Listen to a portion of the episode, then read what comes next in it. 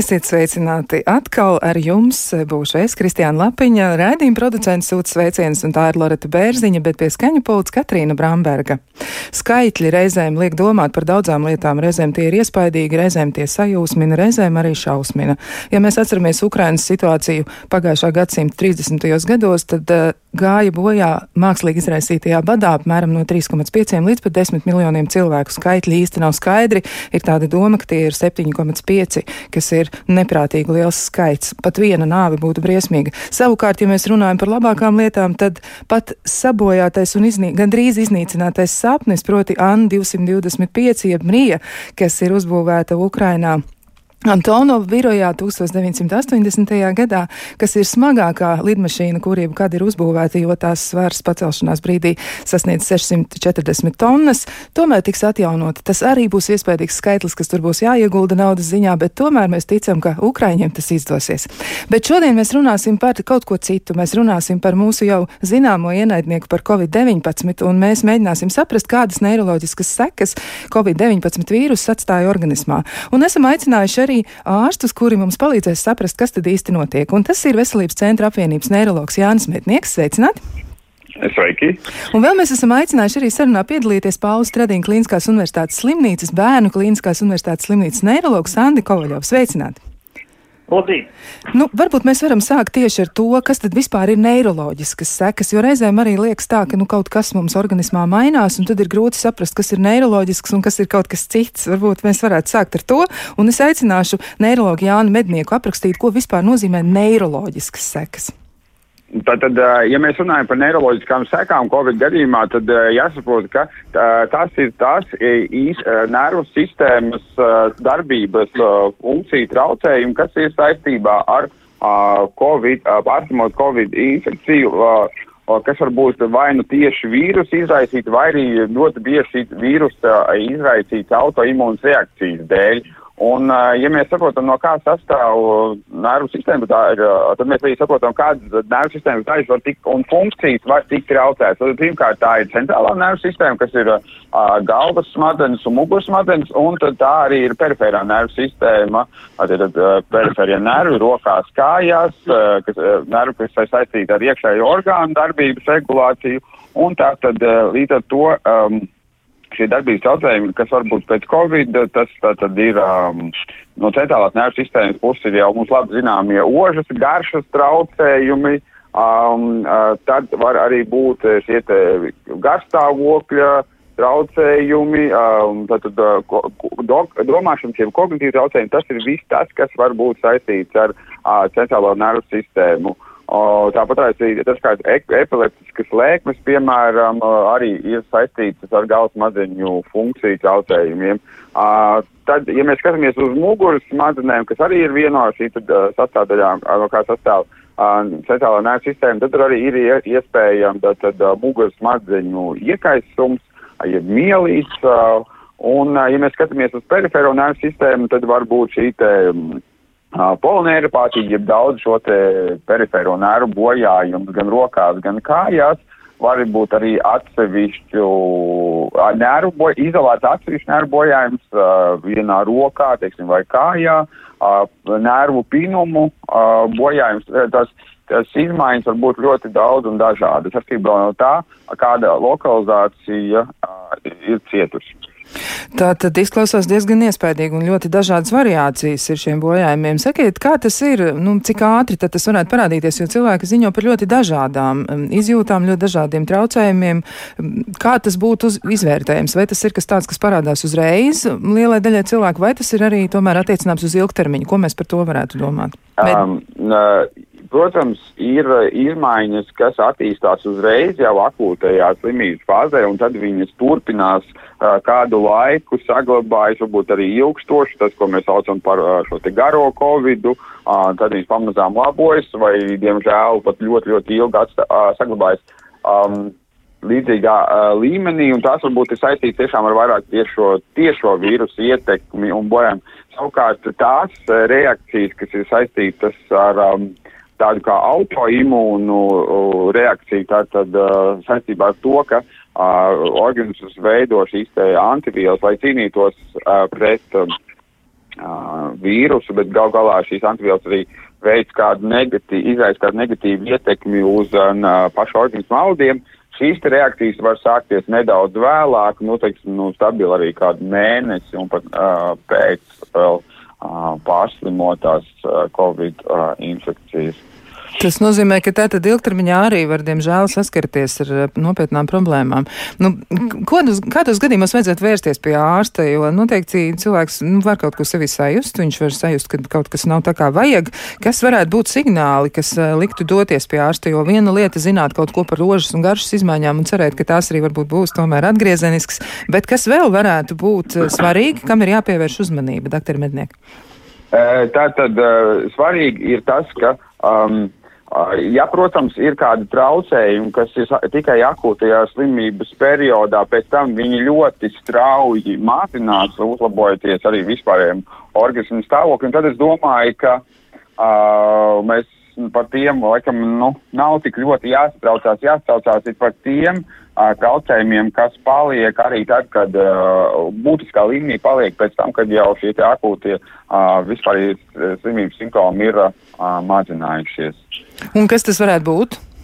Nu, tad, piemēram, biežākā izpausme, ar ko es saskaros, ir tieši no perifērās sistēmas traucējuma puses, ir šī te polonēropātija. Tā var būt gan rupjo lielo mielnēto šķieru polonēru bojājums, gan arī smalko šādu nēru šķieru bojājums, kas izpauž tādu sāpīgumu, notirpumu rokās, kājās, kas vairāk plaukstās un, un pēdās.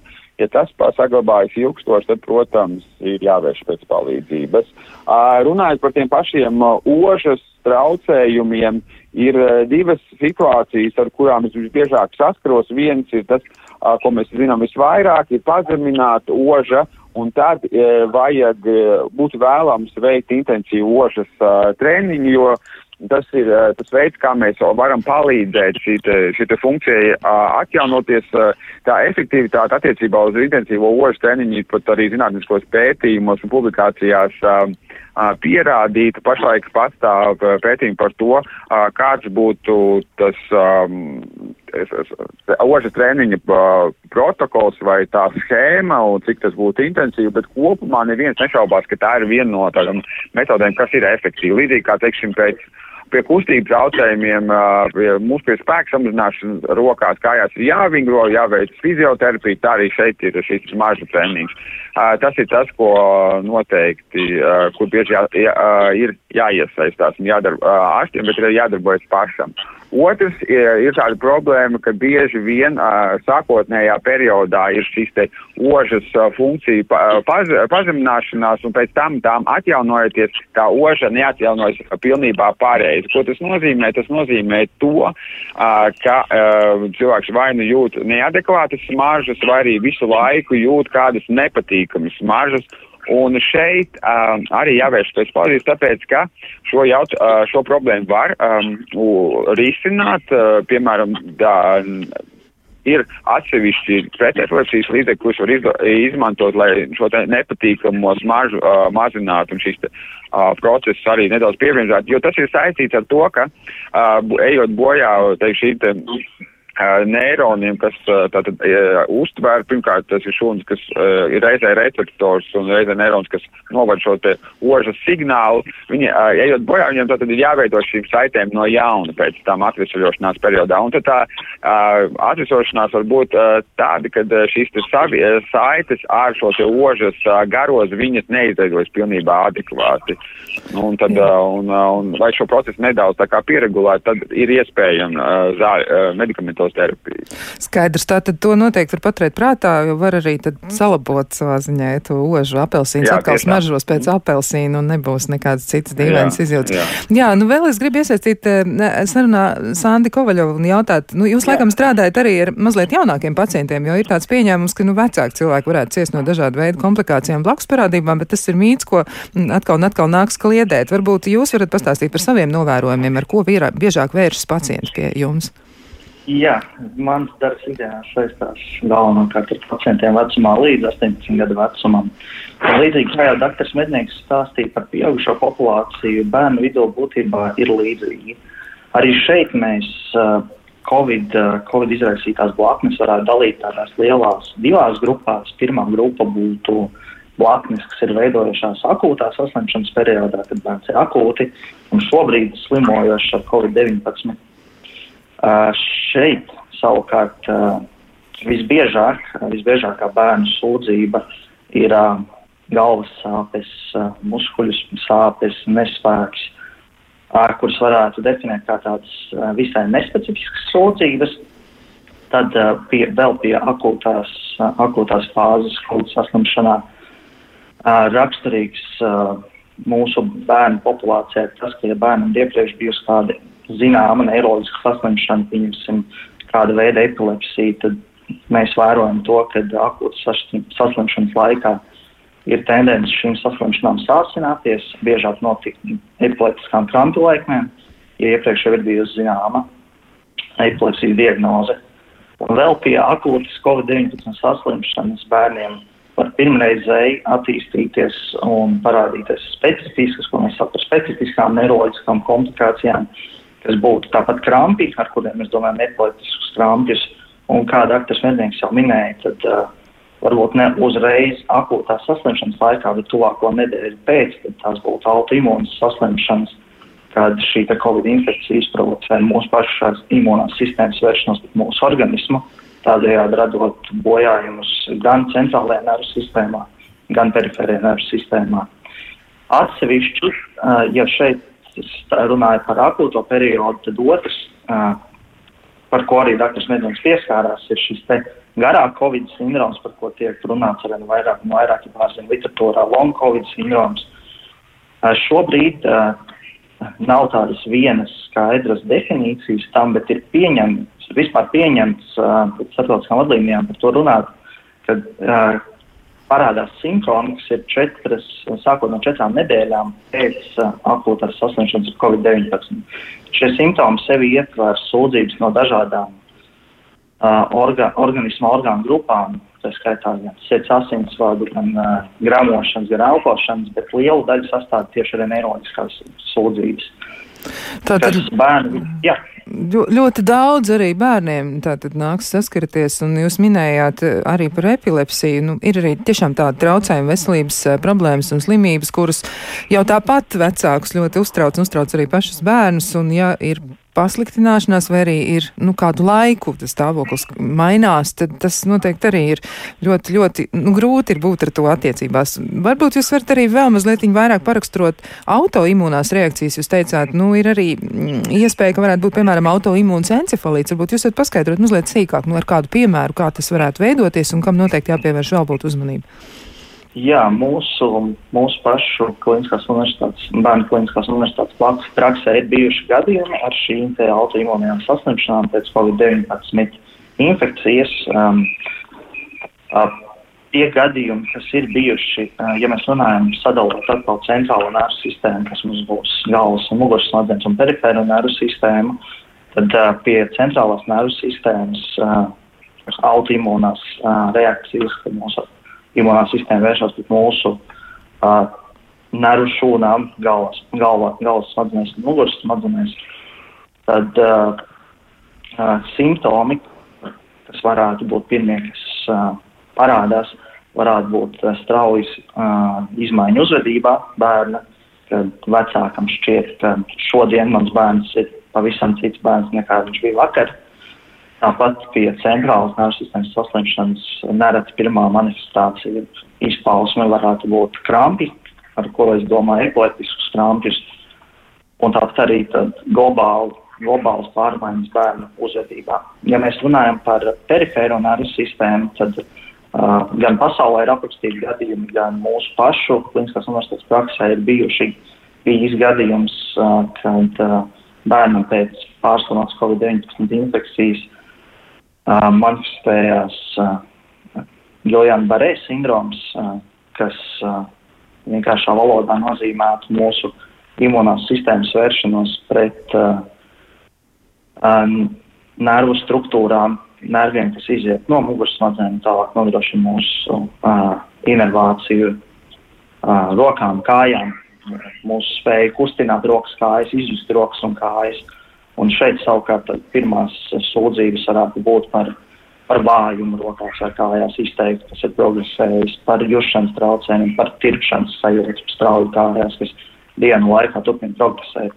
Un ja, ja, ja tiek vērots kāds no šiem simptomiem un ir pagājuši divas, trīs, četras, piecas nedēļas kopš zināmas Covid saslimšanas, noteikti būtu iemesls, lai vērstos arī uh, mūsu slimnīcas uzņemšanas nodaļā. Skaidrs, to mēs tā, tā piefiksējam, ja, un visi, kam, kam ir šādas izjūtas vai aizdomas par to, noteikti tad ir jāpievērš tam uzmanību. Un arī laikam jāvēro sevi ļoti rūpīgi, jo ko līdz kaut kas parādās, tad ir jādodas pie doktora un jājautā. Nu, klausītājiem arī ir ļoti dažāda pieredze, un viena no klausītājiem raksta, ka viņu Covid-19 pārslimoja jau vairāk kā pirms gada. Kopš pārslimošanas salīdzinot ar laiku pirms slimošanas, es ļoti salstu, īpaši pēc ieiešanas gulēt. Un kas varētu būt izmainījies organismā? Un varbūt šo jautājumu sadarbību adresēju šim doktoram Jānam Medniekam. Kas būtu varējis notikt? Jā, tad es gribu saprast, ka viņai ļoti salst. Jā, salst, jā, salst, tieši tā, aiziet cilvēks gulēt, uzsad segu un salst. Nu, tā tad um, ticamākais izskaidrojums tam varētu būt uh, tas, ka ir traucēta šie te periferie nervi vai periferās nervu sistēmas uh, darbība, bet tādā uh, aspektā, ka ir tad vegetatīvā nervu sistēma, arī ir periferās nervu sistēmas daļa, tad, kas regulē iesaistīt termoregulācijā, kas regulē, teiksim, sirds asinsvadu sistēmu darbību, asinsvadu, uh, ar sieniņu funkciju un tā tālāk. Un tas varētu būt tas uh, izskaidrojums uh, ticamākais, um, kāpēc šādas izmaiņas ir. Skaidrs.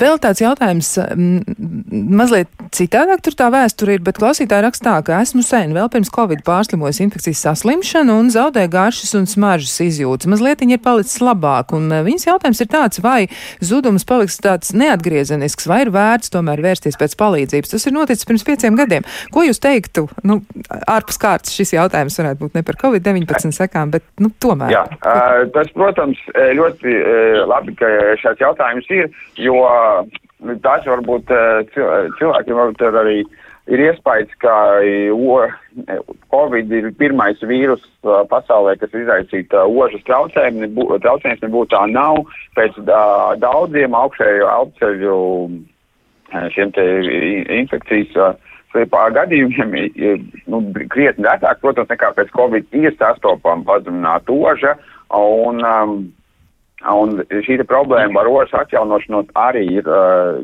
atsevišķos gadījumos būtiska. Un šis gadījums, es teiktu, no, nu, diezgan uh, pesimistisks tādā ziņā, ka uh, ja oža viņu būtiski nav uzlabojusies ilgtermiņā, nu tad, ir pagājuši vairāki gadi, tad man ir, uh, diemžēl, jāsaka, ka ir maza varbūtība, ka viņa būtiski var atjaunoties. Uh, tagad tik ilgi pēc šīs notikuma.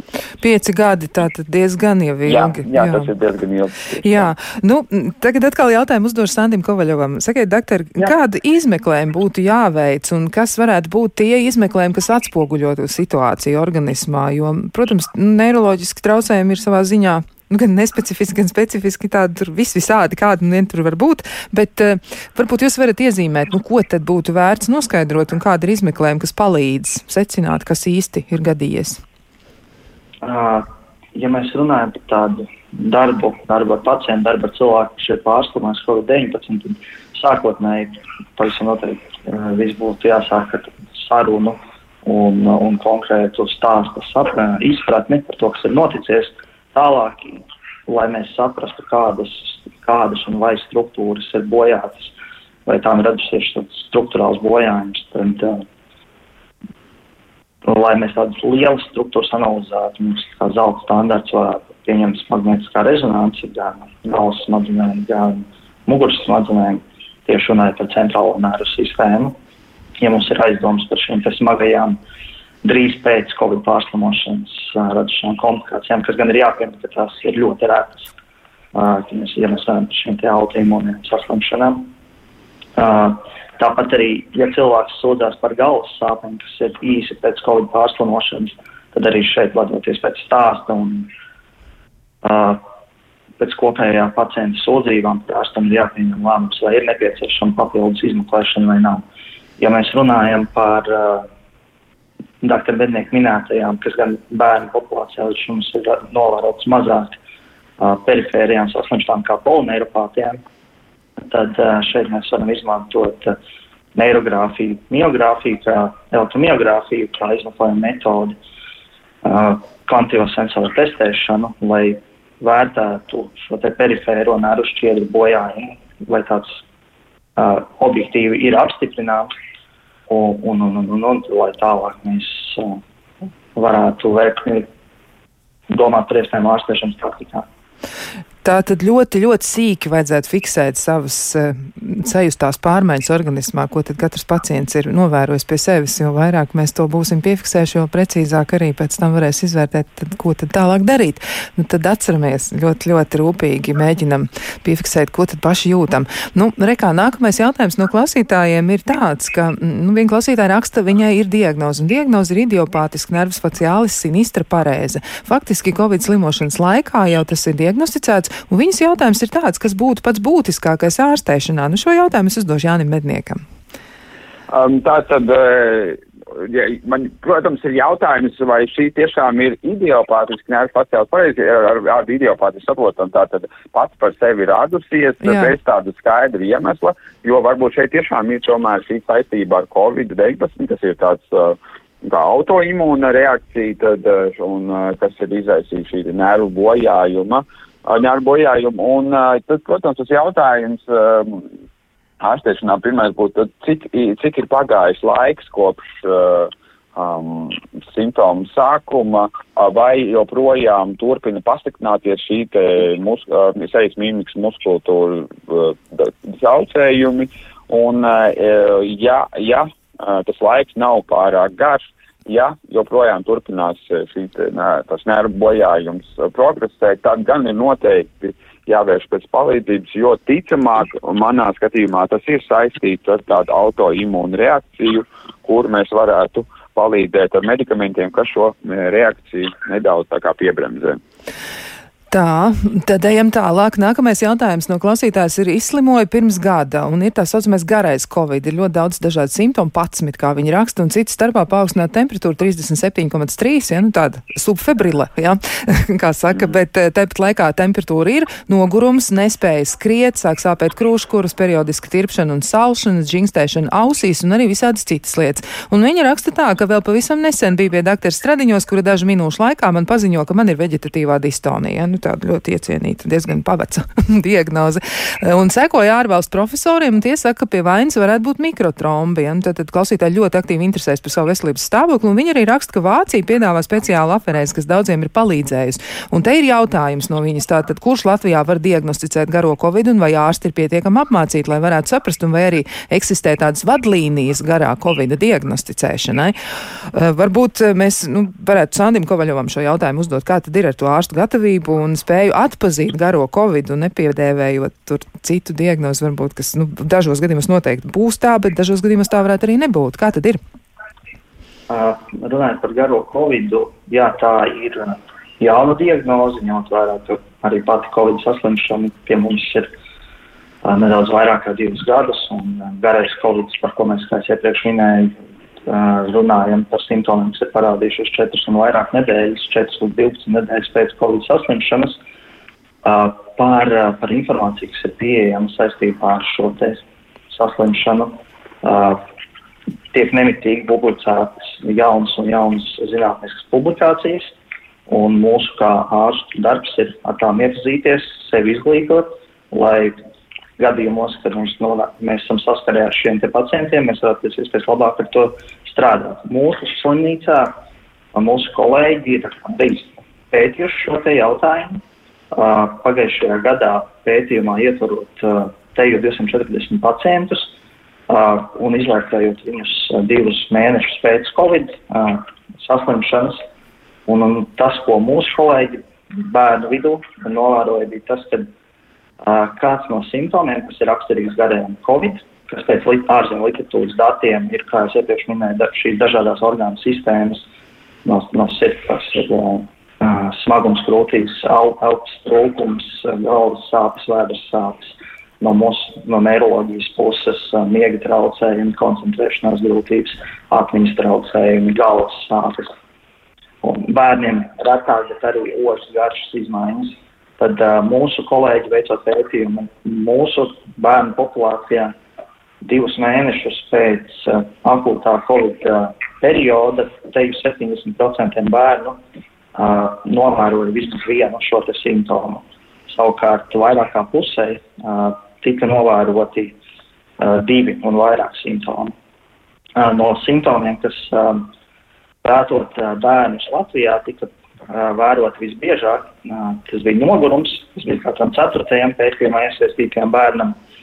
Tāpat bieži bija tieši neiroloģiskās nervus, centrāla nervu sistēma saistītās komplikācijas, kā uh, uzvedības izmaiņas bērniem, aizkaitināmība, garstāvokļa strauja mainība, arī galvas sāpes un, kā iepriekš minēju, uz, uzmanības traucējumi. Un atbildot par to, cik labi mēs spējam uh, atzīt, runājot par bērnu speciālistiem, es domāju, ka mēs, mēs izglītojamies, interesējamies un spējam pienācīgi atzīt šos simptomus un tālāk lemt tā, izdarīt lēmumus, lai bērniem varētu palīdzēt. Jā, un informācija aizvien pienāk un ir aizvien vairāk un ir lieliski, ka tiek veikt pētījumi, jo tas palīdz labāk saprast, kas tas ir, jo pasauli patiešām saskaras ar ļoti lielu izaicinājumu arī šajā nozīmē, un tostarp arī ārsti, protams, kā jau pirmie cilvēki, kuri uz to rēģē pēc pacienta. Mums ir diezgan daudz jautājumu, bet visus šos jautājumus, kas vēl nāk aizvien jauni klāt, mēs uz tiem mēģināsim atbildēt pēc īsa brīža, bet nu gan atvilksim elpu. Kā labāk dzīvot? Turpinām sarunu par neiroloģiskajām sekām, kuras rada Covid-19, un tās tiek konstatētas arvien biežāk, ārstiem ir aizvien jauna informācija, un arī pacienti saka, ka notiek dažādas lietas ar viņiem un interesējas par to, kas tas īsti ir, kā to nu, pareizi saprast, kā to ārstēt un kā beigās atbrīvoties no traucējošām lietām. Bet um, vēl ir arī tādi jautājumi par to, nu, Piemēram, vai varētu tā būt, un mēs arī atceramies, ja tika izmantots AstraZeneca vakcīnas, un vai varētu būt tā, ka pēc tām pastiprinās neiroloģiskās problēmas.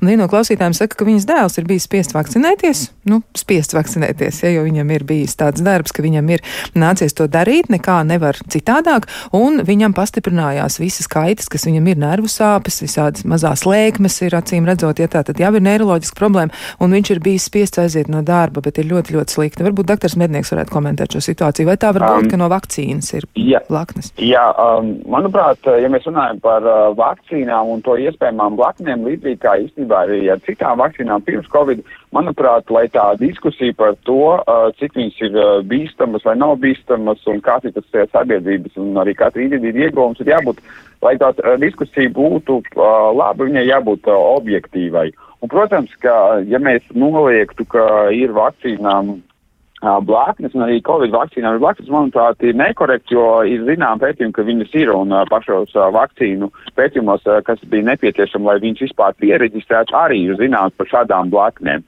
Ja mēs skatāmies, kādas ir šīs blaknes, viņas var būt ļoti nopietnas, kas atstāja būtisku nu, neiroloģisku vai kādu citu orgānu sistēmu darbību traucējumus ilgtermiņā. Tādas ir uh, zināmi, piemēram, tāds ādēmas sindroms ir zināms, bet um, tas ir ļoti, ļoti rēti. Uh, savukārt um, par šīm te um, uh, citām vieglākajām, bet tomēr arī cilvēkiem traucējušām blaknēm jāsaka tā, ka uh, kas ir būtiski, ko es arī novēroju saviem pacientiem, ko es konsultēju, ka šīs blakus parādības, jā, viņas uh, ir uh, dažreiz līdzīgas, kā tas būtu kā pēc Covid pārslimošanas, tātad sācinās jau esošās ne, neiroloģiskās vai cita uh, saslimšanas, kas ir zināmas iepriekš, un var rasties arī jauni simptomi. Bet kas ir būtiski, parasti šie te simptomi, viņi ir īslaicīgāki.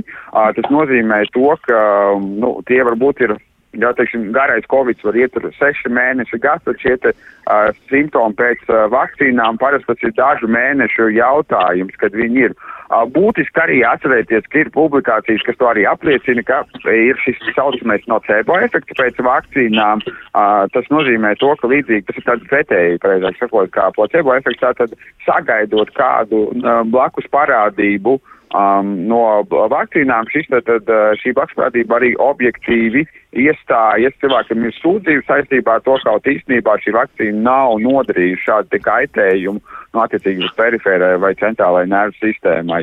Nu, un, um, ja es uh, skatos par to, kādas tad arī saviem pacientiem, kādas ir šī tiešām praktiski šīs te izpausmes pēc vakcinācijas, kā blakus parādības vai pēc pārslimošanas, tad pēc pārslimošanas viņas ir krietni smagākas. Nu, ja, piemēram, es skatos tos pašus epilepsijas pacientus, tad viennozīmīgi tie arī, tas arī visas, teiksim, pasaules uh, organizācija starptautiski, kas saistīta ar epilepsijas ārstēšanu un aprūpi, rekomendācija tomēr vakcinēt šos uh, cilvēkus, jo tāpēc, ka mēs zinām, ka tas ir mm, arī maniem pacientiem bijis, ka akūtajā periodā pēc vakcinācijas var būt um, šie te uh, aku, teiksim, temperatūras paaugstināšanās, un epilepsijas pacientam tas var būt kā faktors, kas provocē lēkmes. Vai arī varbūt lēkmes akūta pēc vakcīnas saņemšanas. Taču tiem pacientiem, kas ir ar epilepsiju, man zinām, un kas ir pārslimojuši Covid, viņiem šī bez citiem faktoriem šis epilepsijas noris ir būtiski pasliktinājusies, un viņi ļoti grūti padodas medikamentozai terapiju, kaut iepriekš, teiksim, šis jautājums bija sakārtos. Tā kā vienmēr ir jāsaliek svaru kausā plusi un mīnus un relatīvais risks dabūt kādas uh, komplikācijas no, no vakcīnas vai no pārslimošanas, un arī jāskatās tas laiks, cik ilgi viņas ir. Tas, tas būtu tas. Tā, tas, tas jāņem vērā, bet, nu, tad iespējamība ir, protams, ja, ka var arī, nu, vakcīna arī pat jā, sevi ir. Jā, noliet, jā, protams, tā tad tā var notikt. Mums ir kāds klausītājs Vans. Jā, mēs klausāmies, lūdzu.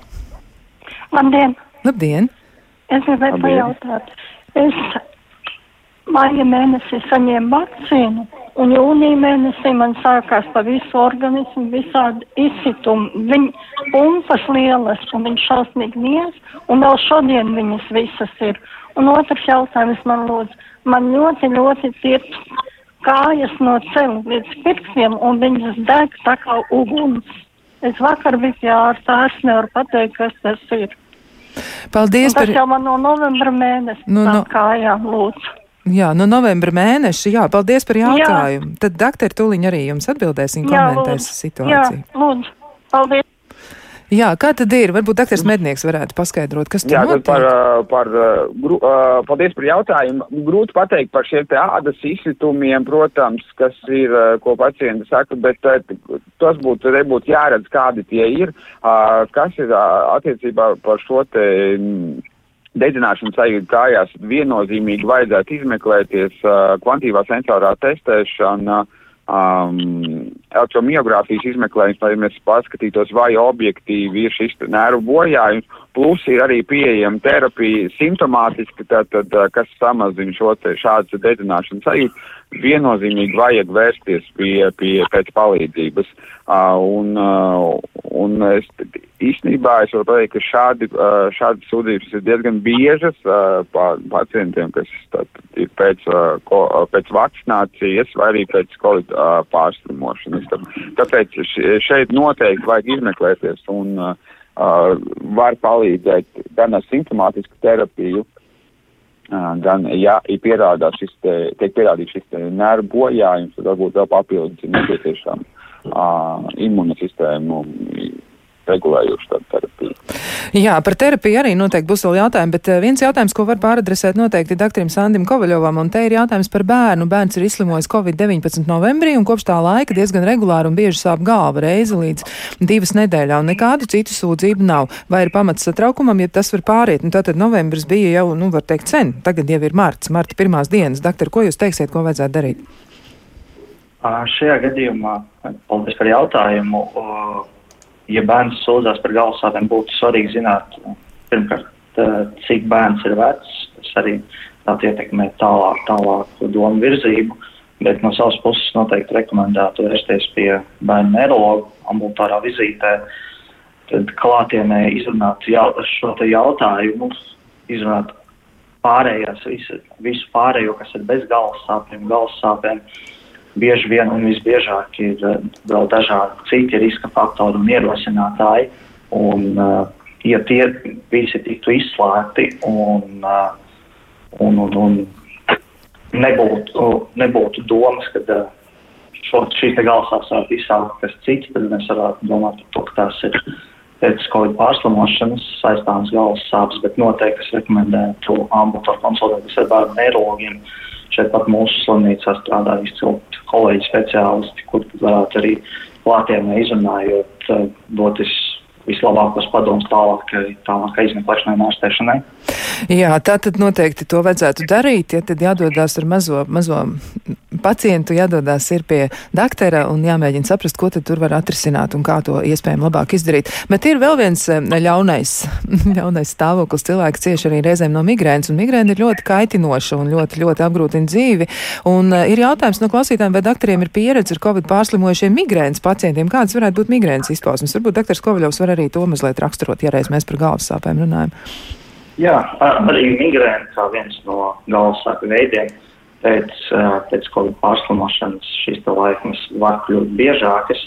Par migrēnu mēs runājam, tad, kad pacients sūdzās par lēkmētīgām, biežāk galvas vienu pusi aptverošām, pulsējošām, ļoti spēcīgām galvas sāpēm, kas nereti var kombinēties ar uh, nelabumu, fotofobiju, nelabumu no gaismas. Uh, vēlmi nolīst tādā klusākā, tumšākā vietā, kur šīs valsts sāpes būtu mierīgākas.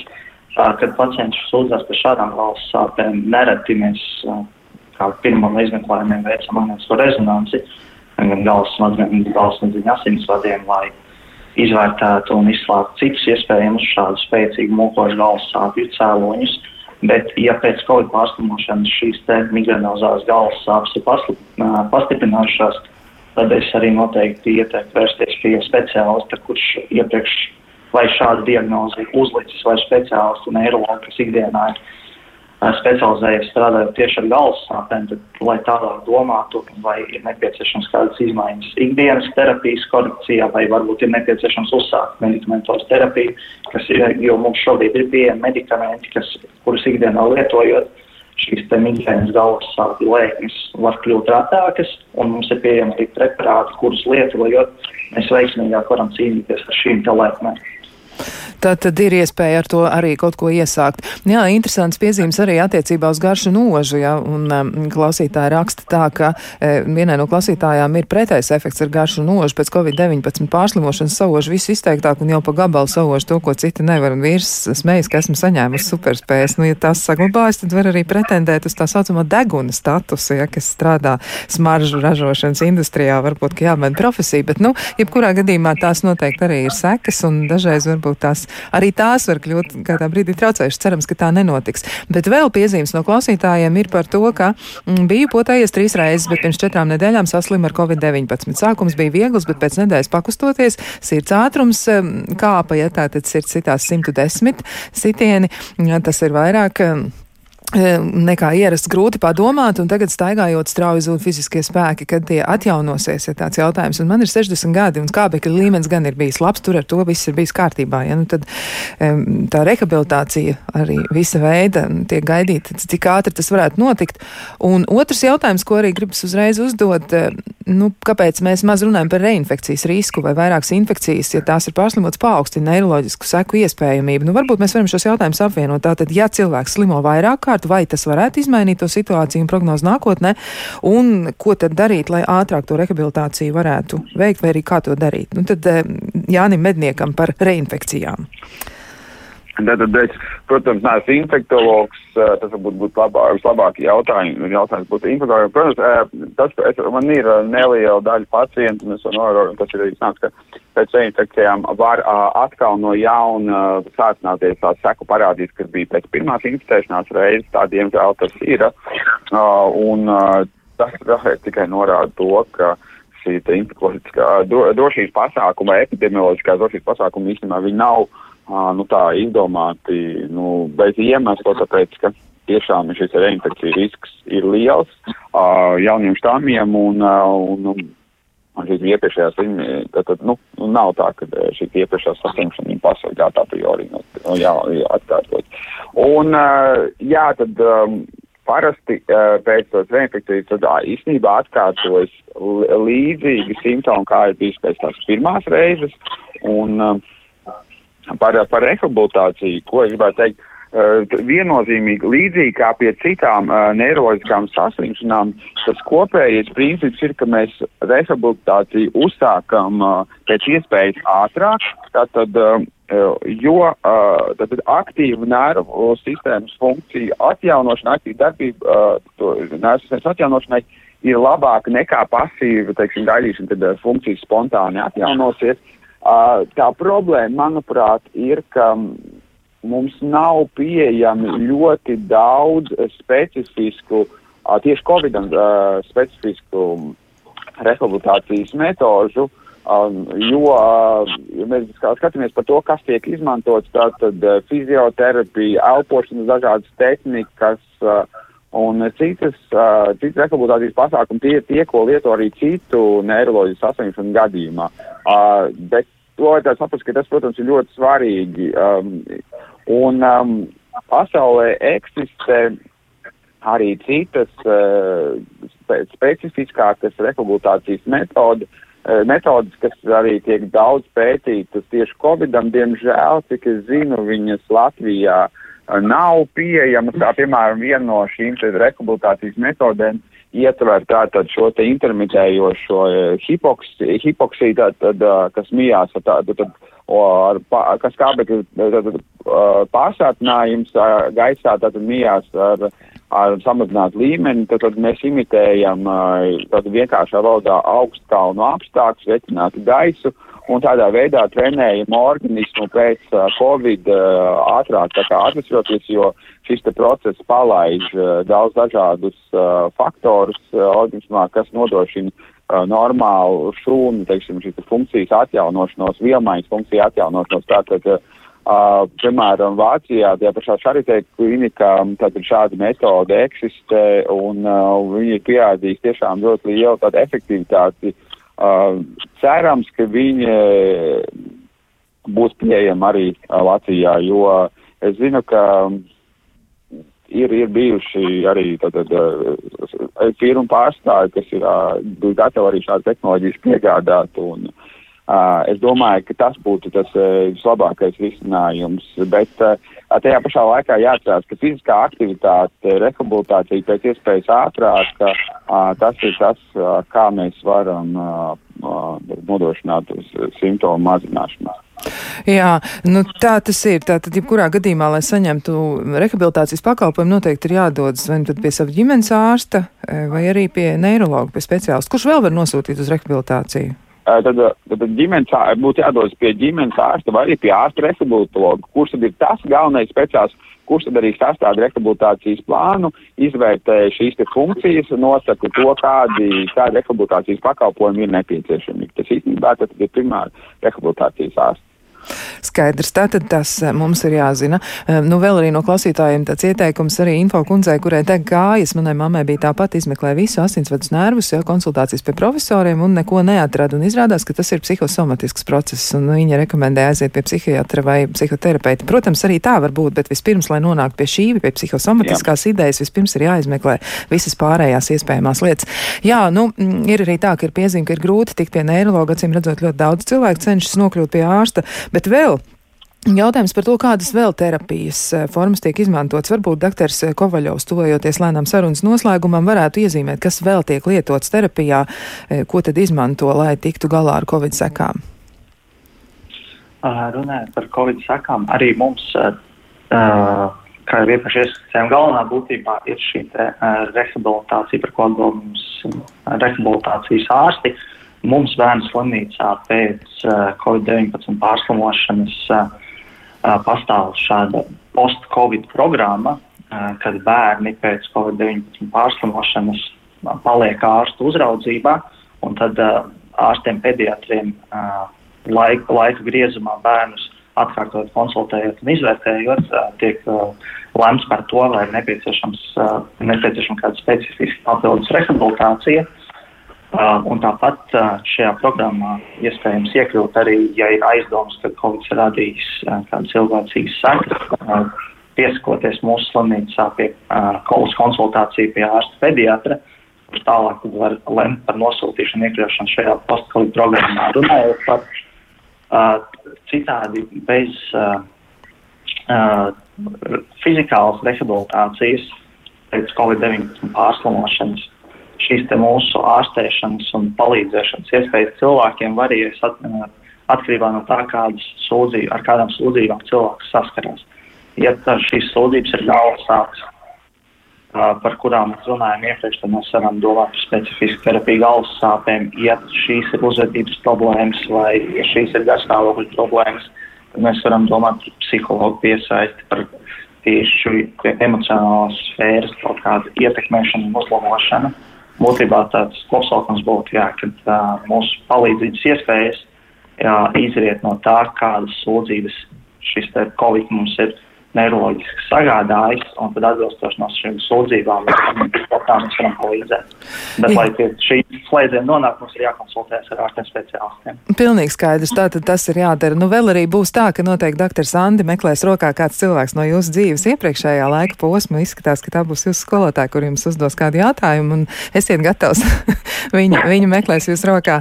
Jā, tā ir. Nu, es neteikšu, kā viņu sauc, gan jau, gan jau jūs atrisināsiet šīs lietas, ja jums ir dzīvē kādreiz ceļu krustojušies, tas savā ziņā reizēm ļoti palīdz. Bet mm, vēl arī nu, pēdējie divi jautājumi, uz kuriem mēs varam atbildēt tikai ļoti īsi. Ja, kāda ir vingrinājuma ožai? Nu, vingrinājums ožai jūs varat arī mēģināt noskaidrot precīzāk pie sava neirologa, bet man liekas, ka viņi ir arī atrodami interneta dzīvēs. Ja doktors Mednieks, man liekas, jau savu laiku mums ir par to stāstījis. Un tur arī var nu, ar neirologu runāt par medikamentiem. Un uh, vēl arī jā, jautājums par rokas tirpšanu. Aizvakar savakcinējos pret Covid-19 ar jauno e, Nuvaks Covid vakcīnu. Naktī pamodos no tā, ka labā tā roka, kurā saņemt vakcīnu, bija stipri notirpus, bet nebija nogulēta. Un roka tirpa arī nākamajā rītā vairs netik ļoti. Un šorīt trešajā dienā, ja tad ir arī tāda plauksta sajūta, sajūta plaukstā ir tāda sajūta, kāpēc tīrpšanas. Vai tā ir iespējama vakcinācijas blakne, vai būtu nepieciešams kaut ko darīt, vai šobrīd vienkārši jānogaida? Nu, šis ir pēdējais jautājums, un doktoram Medniekam jāsaka ļoti īsi, īsa atbilde. Tātad, uh kā jau es teicu iepriekš, tad, ja, jau, ja sūdzības diezgan strauji pēc uh, to parādīšanās man jau mazinās, ko arī klausītājs saka, tad es gribētu teikt, ka uh, šis ir la labēlīgs iznākums un, uh, un domāju, ka liela trauksme nav jāceļ, ja vien tas nesaklabājas ilgāku laiku. Tātad. Jā, un vēl viens jautājums, kas laikam ir svarīgs, un tomēr uz to arī tad vienas, vienas vai, vai divu zilbju apmērā var dot atbildi, lai konstatētu garo Covid vai ir vajadzīgs pozitīvs tests tests pirms tam, ka Covid ir bijis? Vajag to testu, ja vienkārši mēs paļaujamies uz simptomiem, doktor Medniekā ir? Uh, ideāli, protams, būtu pierādīt, taču mēs uh, nevienmēr testi ir bijuši arī pozitīvi tiem, kur ir pārslimojuši klasi, uh, pilnīgi pārliecinoši slimību. Līdz ar to es domāju, ka nav obligāti. Skaidrs. Tātad, Un, Jā. Jāvērš pēc palīdzības, jebkurā gadījumā. Vienkārši jāiet pie ārsta. Nu, labi, paldies par jūsu ieteikumiem, paldies par informāciju. Un, e, tātad e, sarunā piedalījās e, Veselības centra apvienības neiroloģis Jānis Mednieks un Pauls Stradīna Kliniskās universitātes slimnīcas bērnu Kliniskās universitātes slimnīcas neiroloģis Sandris, Sandis Kovaļovs. Ar jums bija kopā Kristiāna Lapiņa, un mēs ar jums jau tiksimies kādā citā reizē. Un lai jums ir skaista un galvenais mierīga diena!